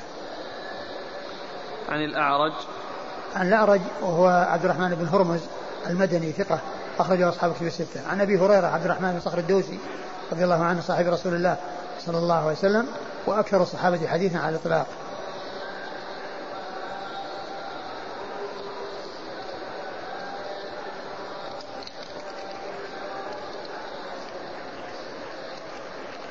قال رحمه الله تعالى باب في خلق الجنة والنار قال حدثنا موسى بن إسماعيل قال حدثنا حماد عن محمد بن عمرو عن أبي سلمة عن أبي هريرة رضي الله عنه أن رسول الله صلى الله عليه وعلى آله وسلم قال لما خلق الله الجنة قال لجبريل اذهب فانظر إليها. فذهب فنظر إليها ثم جاء فقال أي ربي وعزتك لا يسمع بها أحد إلا دخلها. ثم حفها بالمكاره ثم قال يا جبريل اذهب فانظر إليها. فذهب فنظر إليها ثم جاء فقال أي ربي وعزتك لقد خشيت ألا يدخلها أحد. قال فلما خلق الله النار قال يا جبريل اذهب فانظر إليها فذهب فنظر إليها. ثم جاء فقال أي ربي وعزتك لا يسمع بها أحد فيدخلها. فحفها بالشهوات ثم قال يا جبريل اذهب فانظر إليها. فذهب فنظر إليها ثم جاء فقال أي ربي وعزتك لقد خشيت ألا يبقى أحد إلا دخلها. داود رحمه الله هذا الترجمة باب خلق الجنة والنار. أي أنهما قد خلقتا وأنهما موجودتان الآن وقد سبق خلقهما. وذلك أن الله عز وجل آه، خلقهما وأوجدهما وأعدهما. أعد الجنة لأهل, لأهل أوليائه وأعد النار لأعدائه الذين كفروا به وأشركوا بالله غيره. فهي قد أعدت وهيئت. هذه أعدت وهذه هيئت. ولا يقال إنها لا تخلق إلا يوم القيامة عندما يأتي وقت الانتفاع بها كما قاله آه، المعتزلة الذين قالوا إن أن الجنة آه، يعني والنار إنما يخلقان يوم القيامة يعني عندما يحصل التنعيم والتعذيب وأن خلقهما قبل ذلك يعني ما في فائدة ولا في مصلحة لأنها تبقى مدد طويلة معطلة ما حد يستفيد منها. فإذا خلقها إنما يكون في ذلك الوقت. آه، جاءت الأحاديث دالة على خلقها وأنها موجودة. ووجودها آه، فيه فوائد وفيه حكم. ومن حكمه أن الترغيب والترهيب وأن الجنة موجودة والنار موجودة وأن الإنسان عليه أن يسعى لتحصيل هذه الجنة التي خلقها الله وأن يسعى إلى التخلص من النار التي خلقها الله عز وجل وأوجدها. وكذلك أيضا التنعيم في الجنة والتعذيب في النار موجود قبل قبل يوم القيامة قبل يوم القيامة. وذلك أن الإنسان في قبره منعم بنعيم الجنة أو معذب بعذاب النار. وليس العذاب أو النعيم يحصل إنما يحصل في آخر الدنيا. بل هناك بل هناك في القبر عذاب وفي الجنة وفيه نعيم. وذلك حاصل قبل أن تنتهي الدنيا. لأن كل من مات قامت قيامته. كل من مات قامت قيامته وانتقل من دار العمل إلى دار الجزاء. وهو يجازى على عمله في قبره. إن خيرا فخير وإن شرا فشر. وهو إما منعم وإما معذب. وقد جاء في القرآن ما يدل على ذلك في قصة آل فرعون حيث قال الله عز وجل النار يرضون عليها غدوا وعشيا. ثم قال ويوم تقوم الساعة أدخلوا آل فرعون أشد العذاب.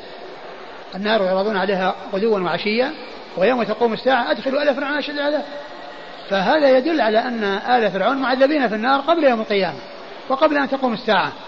ولكنها إذا قامت الساعة انتقلوا من عذاب شديد إلى عذاب أشد. وعلى هذا فالتضرر من عذاب النار موجود وحاصل قبل يوم القيامة. وكذلك النعيم في الجنة حاصل قبل يوم القيامة. وذلك أنه جاء في الحديث أن أرواح الشهداء في أجواف طير خضر. وجاء أن نسمة المؤمن على على صورة طير يعلق في الجنة ويأكل من ثمارها. فالتنعيم حاصل للروح وللجسد والجسد يصل إليه وكذلك للروح ما شاء الله عز وجل أن يصل من نعيم أو عذاب. والإنسان في قبره قبل أن يصل قبل أن يحصل بعث النشور ويذهب الناس إلى الجنة أو النار. فالفائدة حاصلة في بالنسبة للجنة والمضرة حاصلة بالنسبة للنار قبل يوم القيامة. فهي ليست معطلة وليست آه، آه، الفائدة آه، أو المضرة ما حصلت بل الفائدة حاصلة لمن شاء الله أن تحصل له والمضرة حاصلة لمن شاء الله أن تحصل له. والأحاديث في ذلك كثيرة. ومنها الحديث الذي أورده أبو داود هنا قال لما خلق الله الجنة. يعني أنه خلقها وقال لجبريل اذهب إليها. فذهب ونظر إليها وقال آه قال لقد خشيت. أي ربي وعزتك لا يسمع بها أحد إلا دخلها. أي ربي وعزتك لا يسمع بها أحد إلا دخلها. يعني كونها يعني آه يرغب فيها ويحرص عليها وأن من يسمع بها آه يعني يدخلها. فأمر بها فحفت بالمكاره. ثم ذهب إليها وقال خشيت أن لا يدخلها. وقال خشيت حفها بالمكاره ثم قال اذهب إليها قال أي ربي وعزتك لقد خشيت ألا يدخلها أحد. نعم لقد خشيت ألا يدخلها أحد. يعني لما حفت بالمكاره يعني ما كان يصبر على المكاره ما كان يصبر على على على التعب والنصب والمشقة لأن طريق الجنة آه، فيه تعب ونصب ولا يحصل آه، ذلك إلا بالصبر على الطاعة والصبر عن المعصية.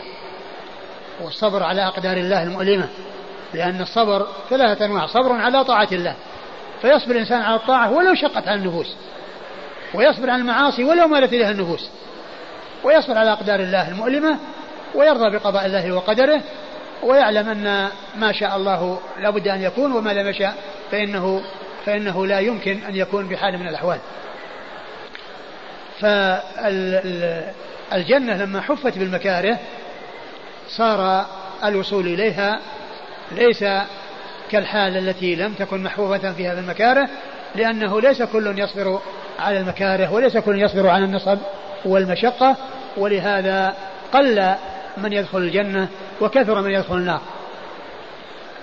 كثر من يدخل النار وقل من يدخل الجنة ولهذا يقول بعض السلف لا تغتر بطريق الشر لكثرة السالكين ولا تزهد بطريق الخير لقلة السالكين.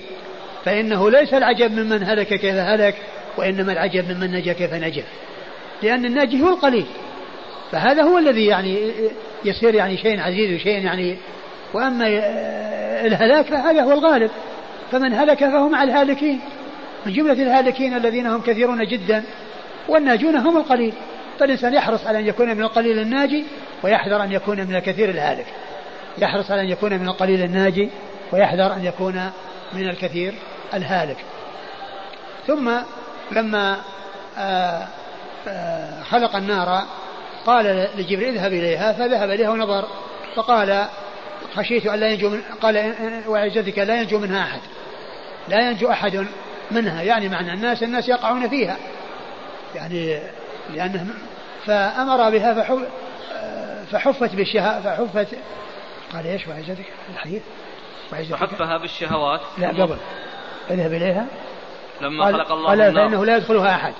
فإنه لا يدخلها أحد أول. نعم. لما خلقها دون أن تحف الشهوات قال إنه لا يدخلها أحد يعني لشدتها ولعظم هولها وأن ليس هناك أحد آه، يفكر أو يقدم على أن يكون من أهلها. فأمر بها فحفت بالشهوات فرجع إليه وقال خشيت الا ينجو منها أحد. وذلك لكثرة من يقدم على الشهوات ويفضل ال ال يقدم على الشهوة العارضة واللذة العاجلة ويغفل عن العاقبة الوخيمة وعن المضرة الكبيرة التي تترتب على ذلك. فحفت الجنة بالمكاره وحفت النار بالشهوات. فطريق الجنة يعني فيه المتاعب والمشاق وطريق النار فيه الشهوات التي من أرخى لنفسه العنان.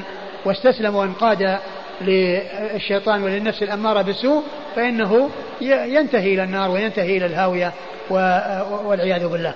والمقصود من ذلك أن الجنة والنار قد وجدتا وأنهما موجودتان الآن ولا يقال إنهما إنما يخلقان يوم القيامة لأن وجودهما قبل ذلك تكون بدون انتفاع وبدون تضرر بل الانتفاع حاصل والتضرر حاصل آه، قبل يوم القيامة كما قد عرفنا ذلك.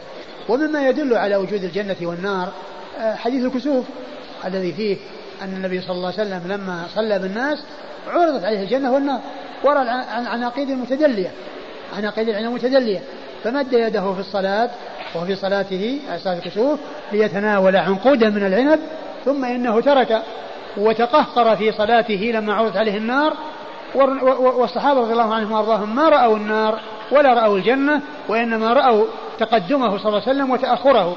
وسألوه بعد ذلك لما فرغ من صلاته فقال إنه عرضت علي الجنة ورأيت عناقيد العنب المتدلية فأردت أن آخذ عنقودا فتركت ولو أخذت منه لأكلت ما بقيت الدنيا. ولو أخذت عنقودا من هذه العناقيد لأكلتم منه إلى نهاية الدنيا. لأكلتم منه ما بقيت الدنيا. وعرضت عليه النار فتكعكع يعني تقهقر ورجع القهقر لما لما رآها. و وهذا يدل على وجودها لأن النبي صلى الله عليه وسلم رأى شيئا موجودا. الله تعالى أطلعه عليه وعرضه عليه فرآه صلى الله عليه وسلم ولم يره الناس الذين وراءه صلى الله عليه وسلم لأنهم رأوا يده الممدودة وما رأوا الذي مدت إليه. والله على كل شيء قدير. أطلع نبيه صلى الله عليه وسلم وأراه الجنة والنار ولم يرهما من من وراءه من أصحابه رضي الله تعالى عنهم وأرضاهم.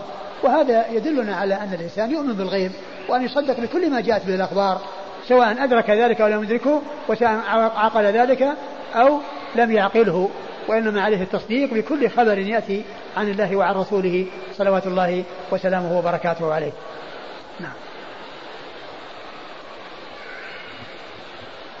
قال حدثنا موسى بن إسماعيل موسى بن إسماعيل التبوذكي البصري ثقة أخرجه أصحاب كتب الستة. عن حماد عن حماد بن سلمة بن دينار البصري ثقة أخرجه البخاري تعليقا ومسلم وأصحاب السنن. عن محمد بن عمرو.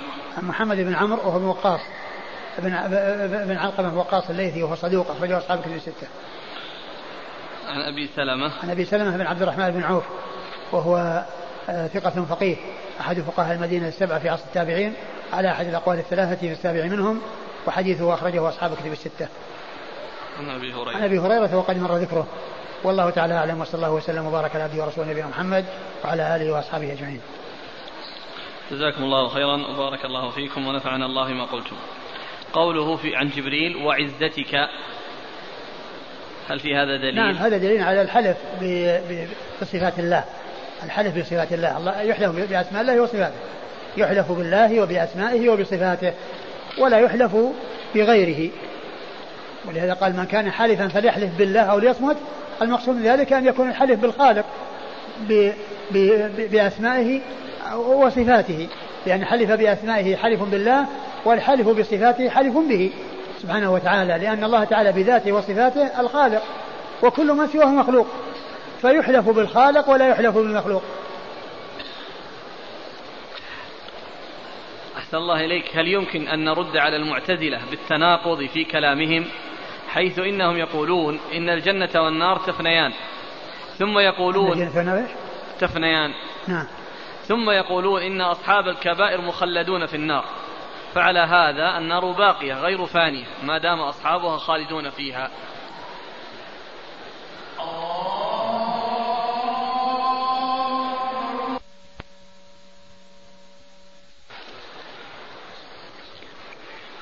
أنا لا أعرف عن المعتزلة أنهم يقولون بأن النار تفنى. ما عندي علم هم يقولون بهذا ولا يقولون.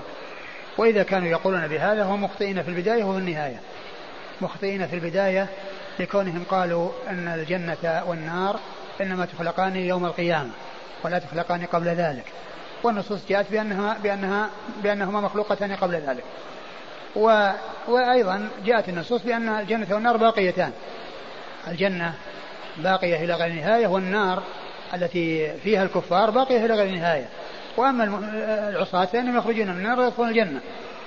فإذا كانوا يقولون بالفناء فهم مخطئون في في فيما يتعلق بالجنة والنار من جهتين. من جهة الأول بقولهم بأنها لا تخلق إلا يوم القيامة ومن جهة القول بأنها تفنى. وفي كل ذلك مخالفة للنصوص. ما مدى صحة القول بأن النار ناران؟ نار الكفار تبقى أبد الآبدين والنار التي يدخلها أهل الكبائر إذا خرجوا منها فنيت. هل هذا التقسيم صحيح؟ آه نعم ابن القيم ذكر هذا في كتاب الوابل الصيب والكلم الطيب.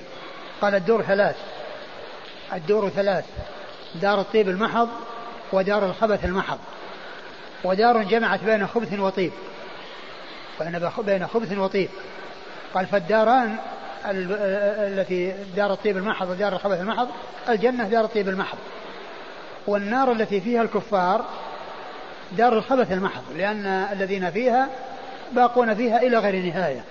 والنار التي فيها العصاة آه، هي التي آه، فيها من جمع بين خبث وطيب ويخرجون يعني من المكان الذي هم فيه ويبقى مكانهم ليس فيه أحد لأن الذين هم معذبون فيه قد خرجوا قد خرجوا منه. و وأما يعني الكفار فإنهم باقون فيها إلى غير نهاية فابن القيم في كتاب باب الصيب قسم هذا التقسيم. ذكرتم هذا القول من مات فقد قامت قيامته. هل هو حديث؟ لا ما أعلم حديث في هذا لكنها لكن هذا هو الواقع. لأن القيامة آه، بالنسبة لكل أحد من مات فإنه انتهى من من الدنيا وانتقل إلى إلى الآخرة. والذي يكون في نهاية الدنيا تكون قيامته بالنفخ في الصور الذي آه، تقوم به الساعة الذي تنتهي به الدنيا وتقوم به الساعة يعني الذي الذي الذي هو الموت. لأن الساعة تطلق على الموت وعلى البعث تطلق على الموت وعلى البعث. يعني قيام الساعة يطلق على الموت وعلى البعث. والموت إن من شرار الناس من تدركهم الساعة هم أحياء. يعني الذي تقوم عليهم الساعة. يعني يكونوا موجودون فيموتون عند نفخ الصور. وتطلق أيضا على القيام من القبور لأنه يقال له أيضا الساعة. مثل ما جاء في القرآن النار يعرضون عليها غدوا وعشيا ويوم تقوم الساعة ادخلوا آل فرعون أشد العذاب. فإن نقول يوم تقوم الساعة يعني يحصل بعث فإن المقصود بالساعة هنا البعث لأنهم يعني كانوا في عذاب في النار يعذبون بها وهم في قبورهم وإذا قامت الساعة يعني حصل البعث والنشور فإنهم ينتقلون من عذاب شديد إلى عذاب أشد. فمن مات قامت قيامته يعني هذا يعني معناه انتقل من دار العمل إلى دار الجزاء. والساعة كما هو معلوم تنتهي إذا قامت الساعة في آخر الدنيا آه انتقل من كان حيا في ذلك الوقت من دار العمل إلى دار الجزاء. هل هناك تعارض مع الحديث الذي جاء في وصف الجنة أنها لا عين رأت ولا أذن سمعت مع حديث الباب الذي يدل على أن جبريل رأى الجنة وما فيها من النعيم وأن آدم كان يسكن في الجنة فإنه رأى نعيمها فكيف يقال ما لا عين رأت؟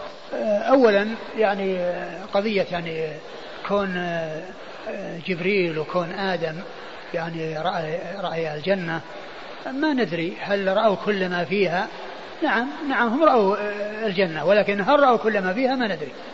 يعني بحيث أنه يعني كل ما فيها قد حصل وكل ما فيها قد شوهد أقول ما, ما نعلم ذلك. و والمقصود من ذلك أن أن فيها من النعيم ما لا يعرفه الناس وما لا يدركه الناس.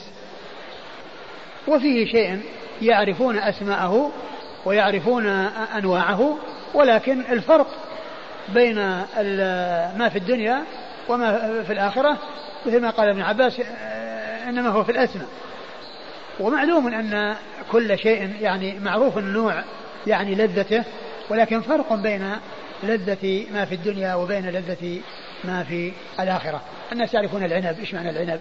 ويعرفون ال ال ال الرمان ويعرفون يعني هذه الأشياء لكن ليس ما في الدنيا مماثل لما في الآخرة. ولهذا الدنيا فيها عناقيد فيها عنب والناس يأكلون منها على مر العصور والدهور ويفنى ويأتي شيء. وأما الآخرة أما عناقيد الجنة قال النبي صلى الله عليه وسلم في الحديث الذي أشرت إليه آنفا ولو أخذت منه عنقودا لأكلتم منه ما بقي الدنيا. ولو أخذت عنقودا من عناقيد الجنة لأكلتم منه ما بقيت الدنيا. في بعض ألفاظ أحاديث الشفاعة أنها تكون لمن لم يعمل خيرا قط. فما المقصود بذلك؟ هل هو انتفاء, انتفاء عمل الجوارح؟ آه معلوم أن هذا من أحاديث الوعد. وأحاديث الوعد لا يجوز الإنسان أن يعوي عليها ويهمل جانب أحاديث الوعيد. وإنما يأخذ بنصوص الوعد والوعيد فيكون خائفا راجيا. لا يغلب جانب الخوف ولا يغلب جانب الرجاء وإنما يكون في حياته يكون يعني يسير الله تعالى بالخوف والرجاء حتى يحصل الخير ويسلم من الشر وحتى يعمل الأعمال الصالحة ويبتعد عن الأعمال المحرمة. وإذا كان في آخر الدنيا فيغلب جانب الرجاء حتى لا يحصل له قنوط ويأس عند الموت بل يحسن الظن بالله عز وجل ويرجو ثواب الله سبحانه وتعالى. فال هذا الذي آه، جاء في بعض الأحاديث أنه يعني أنها أنه يعني ما حصل منه شيء أو أنه ما حصل له شيء يعني عنده آه، يمكن أن يكون أن أنه عمل أشياء ولكنها ذهبت. ولكنها ذهبت لمن يستحقها من الدائنين. كما قال النبي صلى الله عليه وسلم أتدرون من المفلس؟ قالوا المفلس من يأتي يوم القيامة بصلاة وزكاة وصيام وحج. ويأتي وقد شتم هذا وضرب هذا دم هذا فيعطى لهذا من حسناته وهذا من حسناته فإن فنيت حسناته قبل أن يقضى ما عليه أخذ من سيئاته وطرح عليه ثم طرح في النار. فتكون عندها أعمال ولكنها ذهبت وذهبت لغيره. ممكن أن يجاب بهذا الجواب على من يستدل بهذا الحديث على عدم تكفير تارك الصلاة وأنه يخرج من النار إلى الجنة فلا يقال بكفره المخرج من الملة لا لا هذا ورد. هذا ورد أحاديث بأنه كافر والكافر لا يدخل النار ولا يخرج منها. لكن هذا من أدلتهم. نعم. أخرجوا من كان في قلبه أدنى أدنى مثقال ذرة من إيمان. أي نعم. لكنه يعني جاء أحاديث على أن الذي ما يصلي أنه كافر وأنه يكون من أهل النار ويبقى فيه وما كان دخلها وهو كافر فإنه يبقى فيها أبد الآباد ولا يخرج منها أبدا. يسأل عن اسم الباعث. هل هو من أسماء الله؟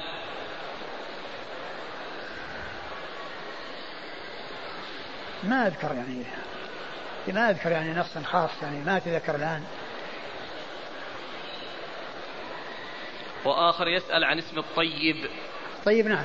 ورد في صحيح مسلم إن الله طيب لا يقبل إلا طيبا وعليه فهل يجوز التكني بأبي الطيب؟ يجوز أن يسمى الإنسان الطيب وأن يكن بأبي الطيب لأن من الأسماء ما من أسماء الله ما يسمى بها غيره ومنها ما لا يسمى بها إلا هو سبحانه وتعالى. فهناك أسماء يعني آه، أطلقت على الله وأطلقت على غيره. وهناك أسماء لا تطلق إلا عليه مثل الرؤوف والرحيم والسميع والبصير فإنها تطلق على المخلوق. كما قال الله عز وجل لقد جاءكم رسول من أنفسكم عزيز عليه ما عنتم حريص عليكم بالمؤمنين رؤوف رحيم. فالمقصود بذلك رسول الله صلى الله عليه وسلم. فقال عز وجل ان ان هل اتى الإنسان حين حين ان خلق الإنسان فجعلناه فجعلناه سميعا بصيرا. فجعلناه سميعا بصيرا. والله تعالى من من أسمائه أنه السميع البصير. وكذلك العزيز وكذلك الكريم وكذلك تطلق على الله يطلق على غيره لكن ما يضاف الله عز وجل يختص به وما يضاف إلى المخلوقين يختص بهم وهناك أسماء لا تطلق إلا على الله مثل الله والباري والصمد والرحمن. وغيرها. جزاكم الله خيرا وبارك الله فيكم ونفعنا الله ما قلتم. بسم الله الرحمن الرحيم. الحمد لله رب العالمين. الرحمن الرحيم. مالك يوم الدين. والصلاة والسلام على عبد الله ورسوله نبينا محمد وعلى آله وصحبه أجمعين. أما بعد قال الإمام أبو داود السجستاني رحمه الله تعالى باب في الحوض.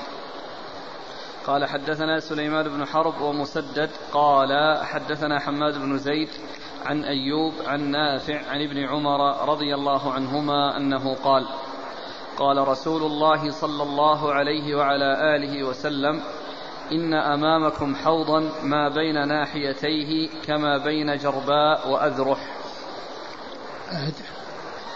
قال رحمه الله تعالى باب في الحوض. قال حدثنا سليمان بن حرب ومسدد قال حدثنا حماد بن زيد عن أيوب عن نافع عن ابن عمر رضي الله عنهما أنه قال قال رسول الله صلى الله عليه وعلى آله وسلم إن أمامكم حوضا ما بين ناحيتيه كما بين جرباء وأذرح. بسم الله الرحمن الرحيم. الحمد لله رب العالمين وصلى الله وسلم وبارك على عبده ورسوله نبينا محمد وعلى آله وأصحابه أجمعين. أما بعد فيقول الإمام أبو داود السجستاني رحمه الله تعالى باب في الحوض. الحوض هو حوض رسول الله صلى الله عليه وسلم الذي يكون يوم القيامة والذي يرده الناس وهم عطاش فيشرب من يشرب ومن شرب منه شربة لا يظمأ بعدها أبدا ومنهم من يذاد عنه.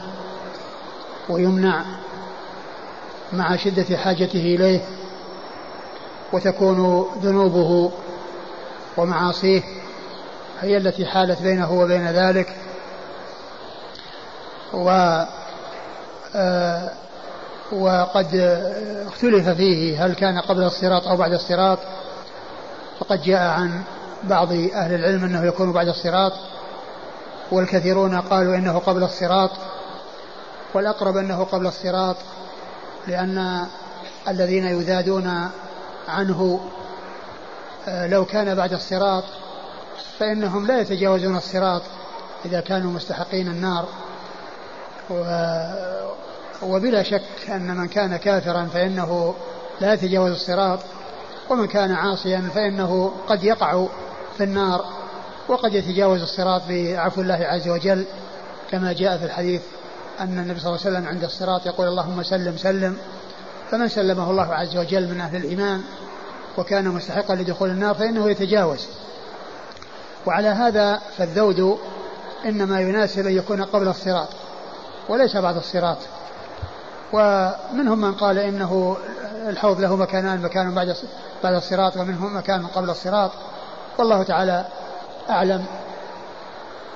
وقد أورد أبو داود حديث ابن عمر رضي الله تعالى عنهما أن النبي صلى الله عليه وسلم قال إن أمامكم حوضا